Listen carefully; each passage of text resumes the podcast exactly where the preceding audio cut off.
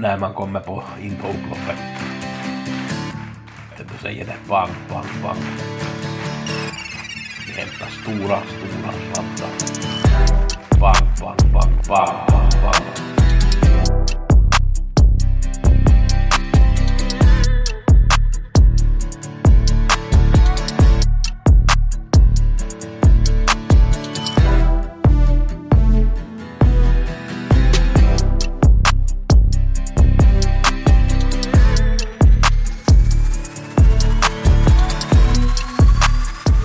Gusse i veckopodden och vi kommer att gå igenom förra veckan som var en riktigt bra spelvecka.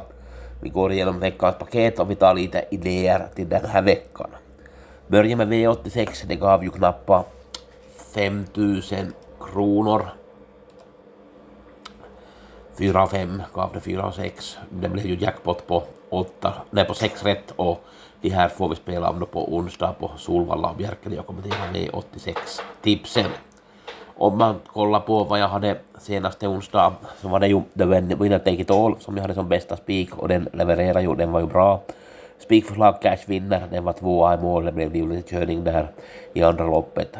Sen de här bästa skrällarna, Lilo Love var tvåa i mål mot en överlägsen vinnare, det var ju eh, Riverdale Zeta som vann, okej okay, den var nog inte så riktigt överlägsen men Lilo Love var, var bra i alla fall, det var klart att den var tvåa i mål Eh, Rembos RT var tvåa också, det var synd att den fick vinna, den var ju ett jättebra vinnarrodds på, på den och, men vi ska ta betalt på Rembos nog i framtiden också. MT Ricknash var trea och de här, alla tre var ju spelade under 2 procent när jag gav dem och de steg ju lite grann i alla fall så att det var ju helt bra idéer. Jag hade fyra tipsettor och eh, det var ju eh, ingen som var rankad vinnare som var rankad sämre än fjärde så att det var en bra onsdag för mig kan man säga. Lördagens V75 så hade jag Lozano di Quattro som bästa spik. Den blev ju fast på innerspår och såg ju aldrig dagens ljus. Den kommer till vinna nästa lopp när den nu får ett lite bättre löp och inte sitta på innerspår fast. Vann gjorde nummer nio och den var tredje rankad för mig i B-gruppen. I andra loppet vann nummer nio e-mail och den hade jag i B-gruppen. Den var sjunde rankad tvåan och sexan som jag hade rankat som etta och tvåa där så de var inte som allra bäst för dagen. I tredje loppet hade jag näst bästa spiken på Hidalgo Heldia. Det blev ju en sexöppning där så det blev ganska tufft. King of Everything var ju jättebra och vann den här, lopp, det här loppet. Den hade jag fjärde rankad, den var tyvärr där i C-gruppen, första C-häst. Fjärde loppet så vände jag ju i sista minuten till att ha sjuan som ensam kan man säga. Way to Cashflow, den hade jag också som en skräll i omgången. Det var ju en bra idé, den var ju 4-5 procent när jag gav ut tipsen där på fredag förmiddag men det steg ju till 10-11 sen. Femte loppet vanns av Hades, det var en del, den hade jag ganska lågt. Jag trodde inte att den här holländaren skulle klara sig mot det här motståndet. Unico Broline var, jag tyckte det inte var som allra bäst för dagen och inte heller Cicero TG från spets där och Atos Kronos galoppera. Det var en, en ganska bra vinnare, de här tre som jag trodde på som var dåliga för dagen.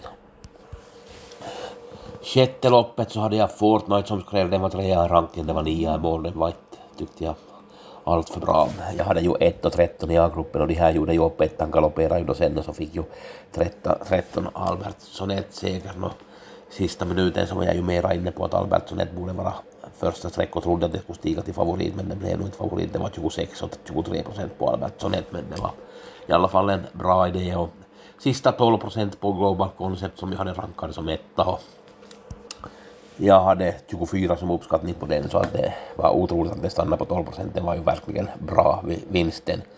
V75 man gav 181 000 så det var ju ingen kan säga det var en sån här normal V75 och det skulle man kunna gå till ta, ta, ta hem men det var ju som sagt de här, de får de här rätta spikarna när jag gick på Lozano så var det ju bortaroren i, i första loppet, men skulle man ha gått till exempel på Way to Cashflow och Global Concept så skulle man nog ha säkert satt den här sjuan om man skulle bara hitta King of Everything som var enda som jag hade i C-gruppen, resten var ju A eller B.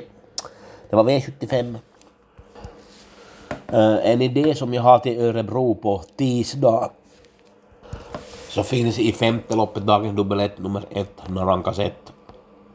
Ganska bra in i loppet, den var trea i årets andra start. Den startade 24 januari på Eskilstuna, då var den tvåa. Och på Romme 24 i tredje. Och den fick jag tycka att var, Varvek var satt den ganska långt bak och avslutade väldigt bra. Det var Itso Sisu som vann det här loppet och kommer den att gå barfota runt om precis som senast och jag är inne på att Lennartsson tar spets ganska tidigt och regerar det här fältet och kommer till vinna det här äh, ganska enkelt. Det är klart att det är Eka Salming och Katrine H och Raun Cube emot där men Lennartsson borde nog vinna med det här när han kan sätta. Det kan nog vara en bra spik och ett spel på dagens dubbel. Eh, vi har på torsdagen har vi intressanta lopp på Bollnäs. Där kommer Don Fanucci Zet kommer ut det är ju klart att det är ju inget kul spel. Han möter Gunnar där och så har vi ju Månlykke som blir stor favorit där och det var ju intressanta kallblodslopp där också på Bollnäs. Femte loppet så går Lannem ställa ut, eh, ser ut att bli stor favorit. Det är ju lite spelat förstås när det är måndag förmiddag som jag gör det här. Möter en intressant norsk gäst i Susa och ÖK med Åsbjörn Tengsareid som har jättemycket pengar på sig och gått bra i Norge och knappast skickade till Bollnäs som inte tror på bra chans i det här loppet så att den ska vi se upp för.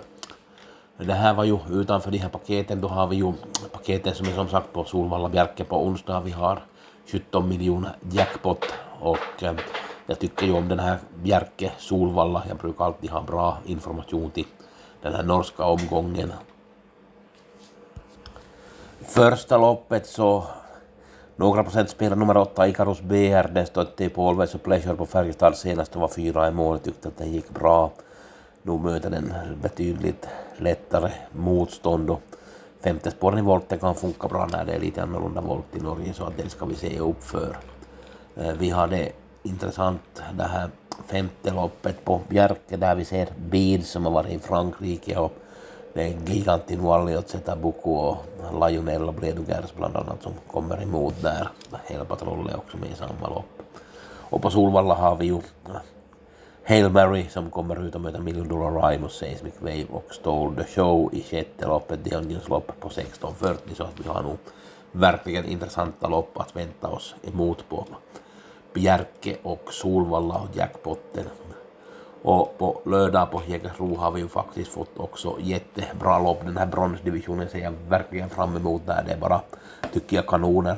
Digitalize som vann senast, Inspiration, Stensson, Redis Dream, Juha Johan Rai med Gustav Johansson som vann senast. Bolly USM som också har vinst under Corazon de B som förlorar mot Dallas då på Solvalla. Bottnas Idol som har flera V75-vinster. Hobart som börjar ha några lopp efter paus, Midnight Special som också har vunnit V75 så att det är nog ett väldigt intressant lopp här. Jag har inte hunnit ta någon ställning och börja fundera på de här loppen desto mera.